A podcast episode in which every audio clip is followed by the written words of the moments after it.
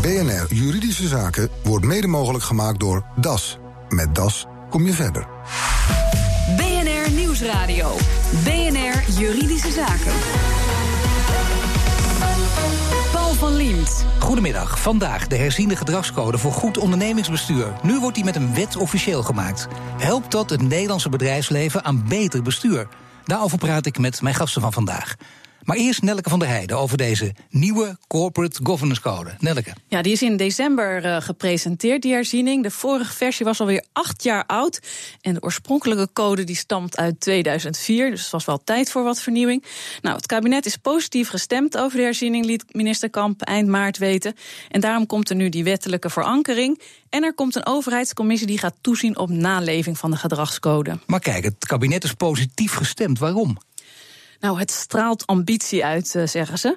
Belangrijke onderdelen, dit zijn de aandacht voor cultuur, lange termijnvisie met focus op duurzaamheid en een transparant beloningsbeleid, vermindering van de financiële risico's, aandacht voor diversiteit in de top en een maximale benoemingstermijn voor commissarissen van twee keer vier jaar. Dank je, Nelleke.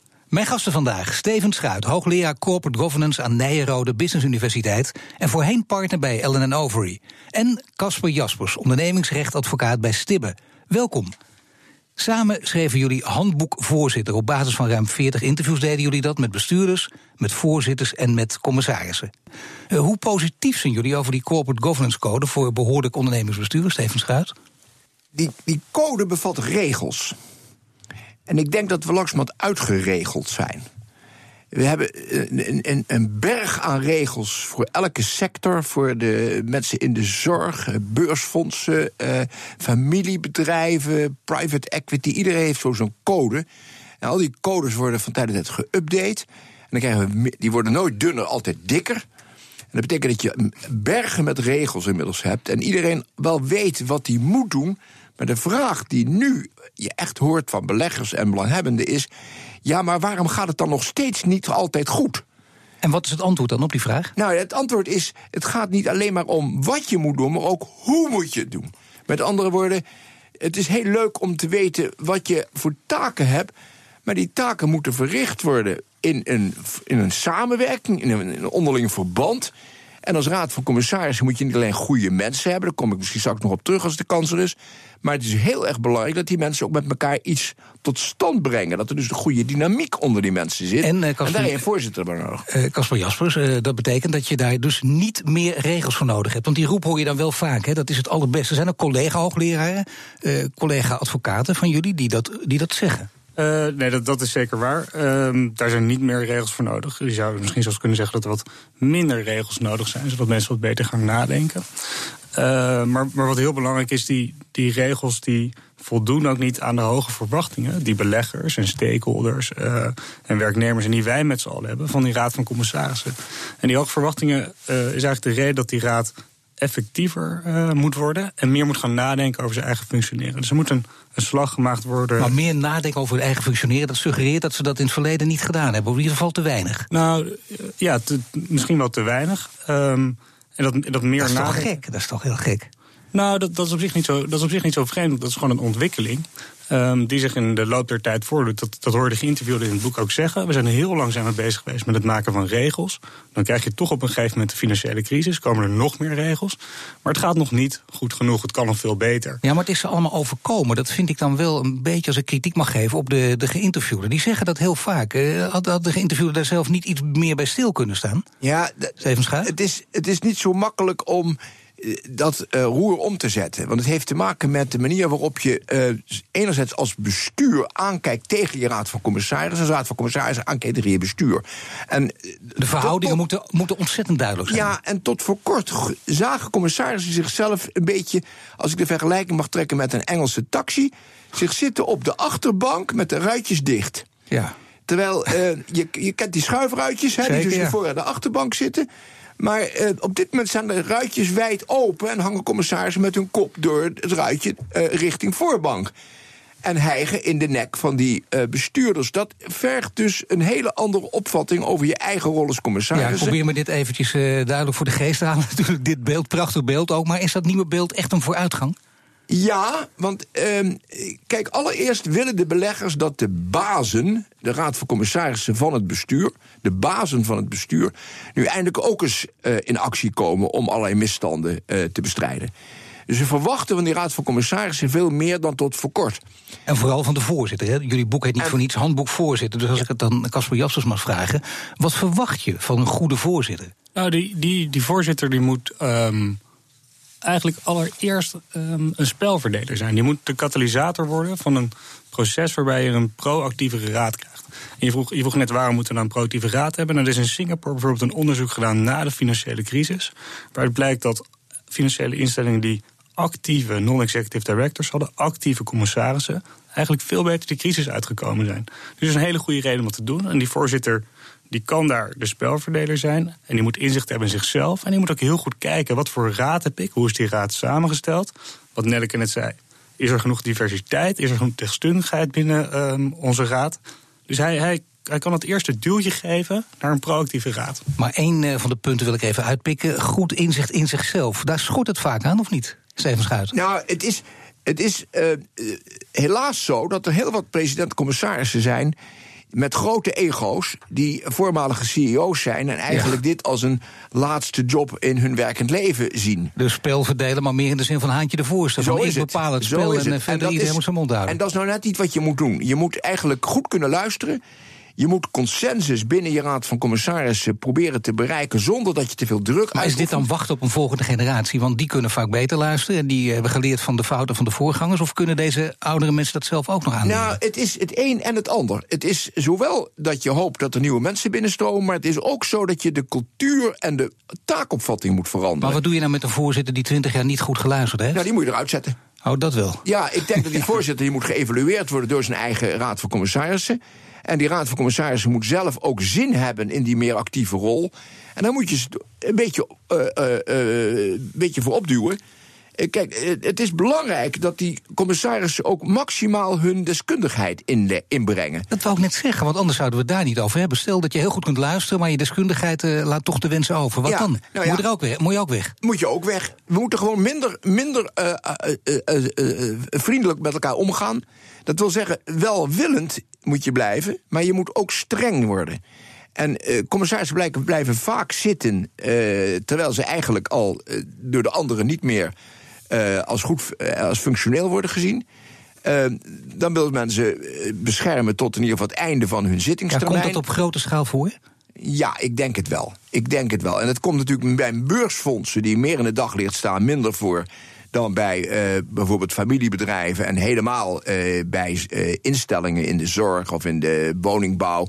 Daar zitten toch heel veel mensen in zo'n raad van, raad van commissarissen, dat heet dan de raad van toezicht. Die, waarin je denkt, ja man, uh, je zit hier nu uh, zes jaar en je hebt nog steeds je mond niet open gedaan. Zou het niet eens tijd zijn om plaats te maken voor een ander? Dat is heel raar, Casper Jasper, dat dat gewoon kan. Hè? Dat je dat gewoon kunt laten voorbestaan. Want je zou zeggen, deze mensen moeten ook druk zetten. Of durven ze gewoon niet, omdat ze denken, het is een leuk baantje. Als ik te veel kritiek geef, dan raak ik het kwijt. Nou, dat, dat is iets wat, um, wat wij wel terug horen in de interviews. Wat nog steeds een beetje is dat mensen wel um, erg vriendelijk en welwillend met elkaar omgaan binnen de Raad van Commissarissen. En een, een deel van het, um, van het probleem is ook dat als je, als je te kritisch bent, dan willen mensen je niet meer hebben. Dus voor de, om het zo maar te noemen, voor de, voor de beroepscommissaris is er nog wel een deel um, eigen belang om te zorgen dat hij wel vriendelijk blijft en welwillend en leuk meedoet met de rest. En, en daar moet je eigenlijk vanaf, want die raad is zo sterk als een zwakste schakel. En op een gegeven moment komt er een risico dat mensen zich gaan aanpassen aan het niveau van de ene, die niet helemaal meer meedoet op het niveau waarop je eigenlijk zou moeten presteren. Nou zeggen veel commissarissen, als ik ze spreek althans... Uh, het is voor mij wel lastig om daar heel kritisch te zijn... want uh, er wordt van mij nu een kritische opmerking verwacht. Maar ja, ik ben er zeven, acht keer per jaar. Ik zit daar niet dagelijks. Ik zit daar niet dagelijks, dus ik weet niet precies wat er aan de hand is. Steven Schuit, hoe kun je dat probleem oplossen? Ja, je moet dus ook niet je met operationele zaken gaan inlaten. Want dat, dat is je vak niet. Dus de, de, de taakopvatting moet meebrengen, allereerst... dat je je echt goed verdiept in wat dat bedrijf nou eigenlijk doet. Pas op, dat is ingewikkeld. Want veel commissarissen kunnen in zijn algemeenheid praten over dat bedrijf. Maar of ze nou weten hoe die markt in elkaar zit, wie de echte concurrenten zijn, wat zijn er bewegingen in die markt, wat is de beweging van de technologie, wat gebeurt er met de financieringsmogelijkheden, hebben we de goede mensen aan boord. Uh, zouden we die raad van bestuur niet eens hier en daar wat moeten uh, inperken of uitbreiden? Uh, dat soort vragen zijn verduiveld lastig te beoordelen als je niet de feiten kent. Dat begrijp ik. Operationele zaken kun je ook niet mee bezighouden als je er niet elke dag bent. Maar uh, acht keer per jaar, is dat genoeg? Of moet je als commissaris toch vaker je gezicht laten zien? Bijvoorbeeld ook op de vloer, even om te voelen wat het is. Zonder van je twijfel, zonder twijfel. Je moet bedrijfsbezoeken afleggen vrij regelmatig, want anders raak je uh, out of touch. Je moet dus regelmatig uh, bedrijfsbezoeken afleggen. Je moet praten uh, als je in de audit committee zit, moet je praten met de treasurer en met de, de, de controller en met uh, de interne uh, auditfunctie. En als een commissaris bij een schoenfabriek, dan moet ik in ieder geval iets van schoenen weten. Dan moet je iets van schoenen weten. Ik was commissaris bij Numico destijds, hè, de producent ja, van babymelk. Uh, dan ja. moet je gewoon uh, je interesseren in hoe melkpoeder uh, tot stand komt. En wat daar gebeurt als die melkpoeder afkomstig is van. en ook al ben je dan Steven Schuiten, wil je er toch even van proeven? Ja, meneer ik hoop er niet van te proeven. Met name niet omdat in veel melkpoeder zware metalen zitten. Dus nee, nee het, is, maar het is heel belangrijk dat je het product kent. En dat je begrijpt hoe die markt in elkaar zit. En uh, als je bij Philips de, de elektronische uh, medische uh, producten uh, maakt, dan moet je begrijpen wie uh, de bedreigingen zijn, wat de bedreigingen zijn in die markt. Straks is er één ideale voorzitter of heeft een familiebedrijf ander bestuur nodig dan een zorginstelling. BNR Nieuwsradio. BNR Juridische Zaken. Er is nog behoorlijk wat ruimte voor verbetering in het besturen van het Nederlandse bedrijfsleven. Met een vernieuwde gedragscode voor goed bestuur zijn we er nog lang niet. Mijn gasten Steven Schuit, hoogleraar Corporate Governance aan de Nijrode Business Universiteit. En Casper Jaspers, ondernemingsrechtadvocaat bij Stibbe. Wat zijn de grootste valkuilen bij de keuze voor een president-commissaris, voorzitter van de Raad van Commissarissen? Steven Schuit. Dat je iemand uh, vindt met een, uh, die te veel met zichzelf bezig is. Die er ehm, iets probeert neer te zetten dat eigenlijk ehm, meer gaat over hemzelf dan over uh, zijn leiderschap van die raad. Die vooral denkt, net als een slechte wethouder, niet van het is goed voor de stad, maar ik wil iets nalaten. Ja, ik wil iets nalaten en ik wil ook herkend worden uh, als de president-commissaris van bedrijf X. En waar zie je dat? Zijn er goede voorbeelden uit het verleden bekend? Ja, je, kijk, er zijn natuurlijk. Uh, er zijn natuurlijk lachen. nee, er zijn natuurlijk altijd van die gevallen waarbij je zo'n ontspoorde CEO uh, hebt meegemaakt. Uh, daar zijn er natuurlijk heel veel van. Maar noem er eens een paar. Nou, er zijn mensen die dat daarover spreken wanneer ze het over de oude Ahold hadden. en er zijn mensen die daarover spreken wanneer ze het over ABN AMRO hadden. en terecht ook, of niet? Nou, kijk, of zijn dat zelfs twijfelgevallen? De, nee, dat, daar heb ik niet zoveel twijfel over. De, wat, wat, wij niet zien, zijn die presidenten-commissarissen die vaak binnen kamers functioneren. Maar die niettemin vaak een heel groot ego hebben en ook zelf graag uh, willen opvallen. Toch vind ik dat gek. Binnenskamers en een groot ego. Dat, uh, dat is dan beperkt zich wel tot toch een vrij klein ego. Nou, tot een kleine ruimte. Nee, helemaal niet. Want er zitten vaak in zo'n raad van commissarissen allemaal mensen met een groot ego. En als er dus allemaal mensen zitten die, uh, laat ik zeggen, eenzelfde gedragspatroon hebben. Uh, dan wil je, willen die president-commissaris natuurlijk daar weer bovenuit kijken. Hebt u hier goed over nagedacht, een boek over geschreven. En uh, om mensen met een groot ego te kennen... is het natuurlijk handig als je zelf ook een, ook een behoorlijk ego hebt, of niet? Nee, dat is helemaal niet nodig. nee. Dat is helemaal niet nodig. Wat je, wat je wel moet uh, voor zorgen is dat als je een bestuursvoorzitter hebt die een, zelf een groot ego heeft, dat je een president-commissaris hebt die daar tegenop kan boksen. Want je bent en blijft natuurlijk uiteindelijk de baas van de bestuursvoorzitter. Heeft het ook met het type bedrijf te maken, eh, Casper uh, Jaspers? bijvoorbeeld met familiebedrijven, zijn die weer anders dan zorginstellingen, commerciële instellingen? Uh, ja, nee, dat, dat is absoluut het geval. Um, je hebt natuurlijk een hele andere dynamiek bij een familiebedrijf dan bij een, uh, bij een zorginstelling. Bij een familiebedrijf heb je te maken met een familie die in de loop der generaties steeds groter wordt. Die een onderlinge uh, strubbelingen kent. Neefjes en nichtjes die niet goed met elkaar overweg kunnen. Nou, daar zou een voorzitter bij een familiebedrijf een eh, een, een mediatorrol moeten aannemen. Is dat niet even de moeilijkste rollen bij een familiebedrijf? Vanwege al dit soort uh, gevoeligheden die, die extreem zijn, juist vanwege de nauwe banden? Ja, ja, absoluut. En zeker als de familie niet goed met elkaar overweg kan. Maar die, diezelfde rol van, van mediator, en een van de opmerking die bijvoorbeeld Frans Kremers maakt in die interviews. De voorzitter moet empathie hebben. En dat is eigenlijk een kwaliteit die hij over, over de hele breedte bij alle verschillende instellingen zou moeten hebben. Bij CN Publiek, maar ook bij commerciële. Maar toch, kijk eens naar uh, woningbouwverenigingen, kijk eens naar zorginstellingen. Steven Schuit zei er zojuist ook al iets over. Is het lastiger om op die plekken goede commissarissen neer te zetten als je kijkt naar de beloning?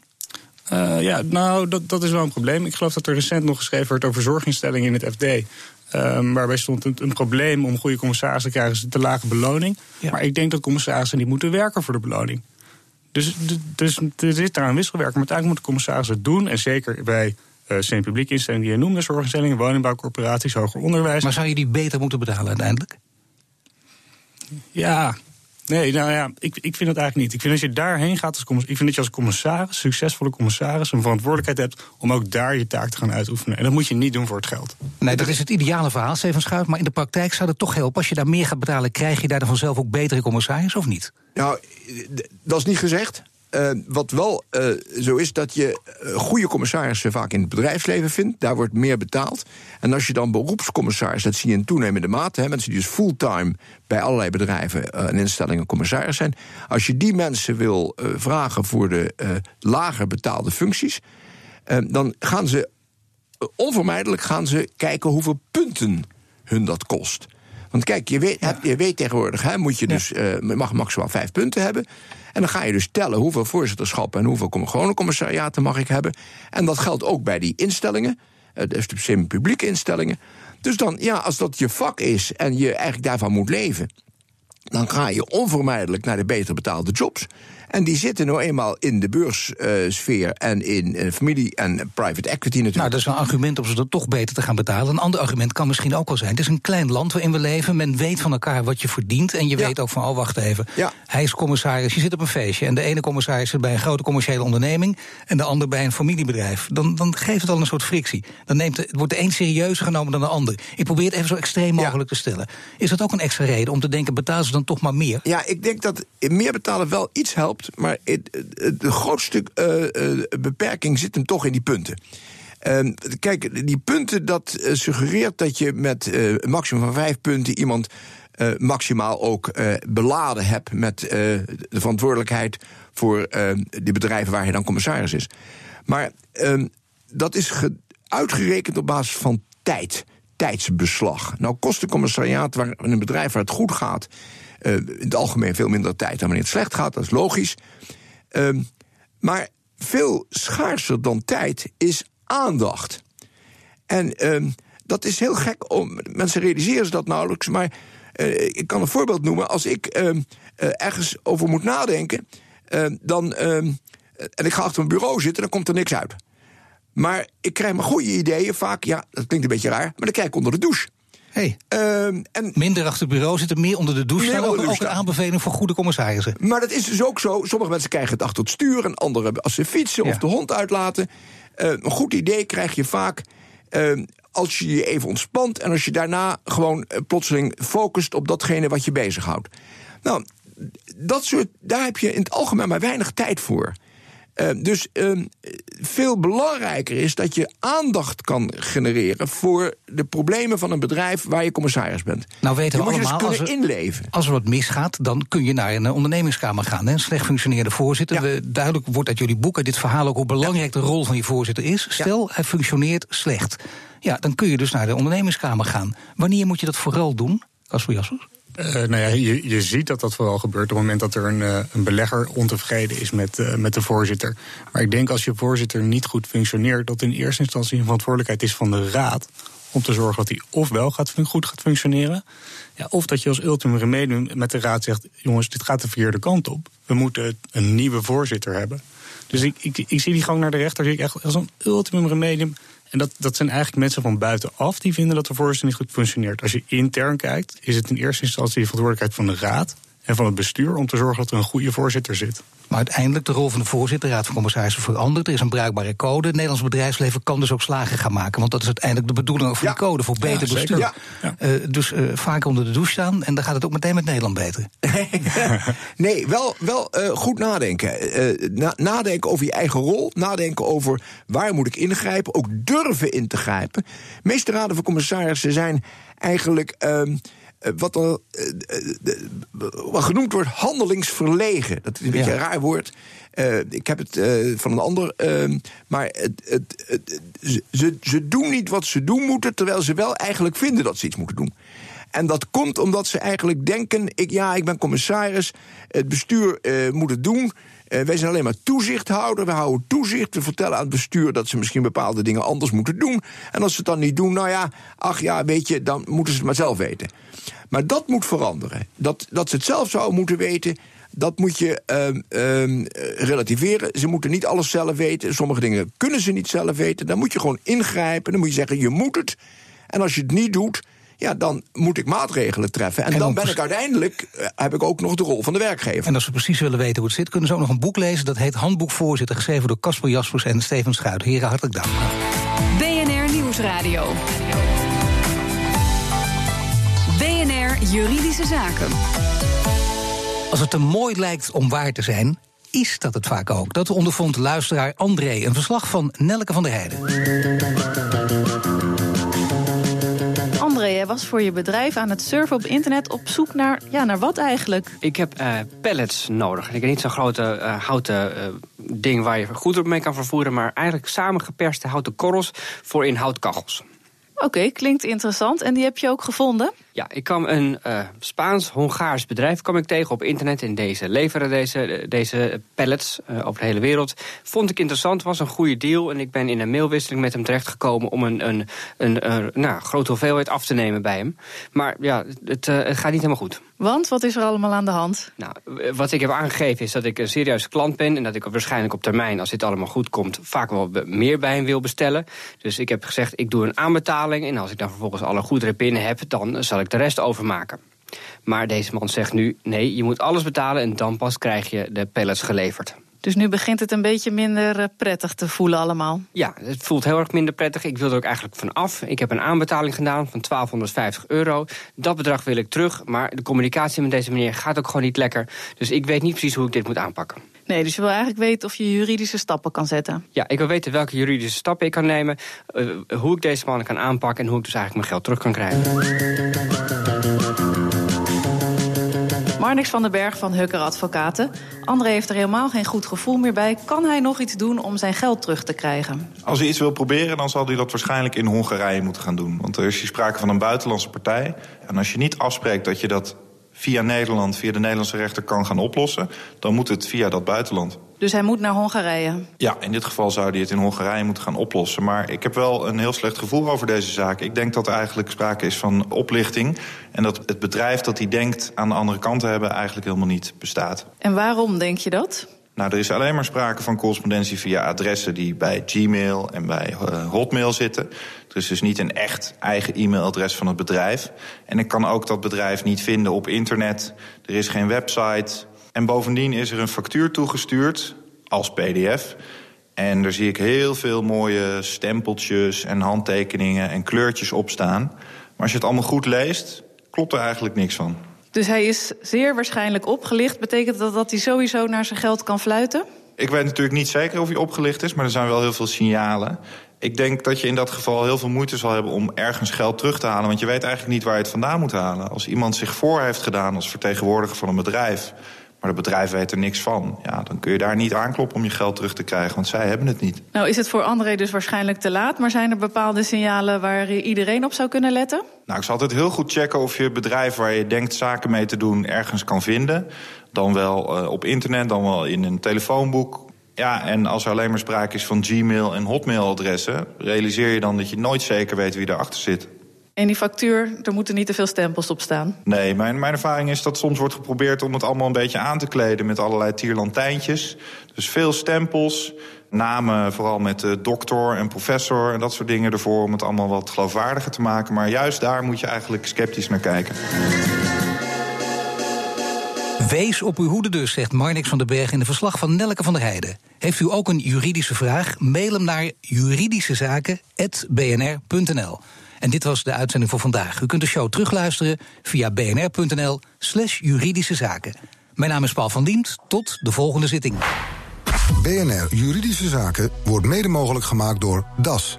Met DAS kom je verder.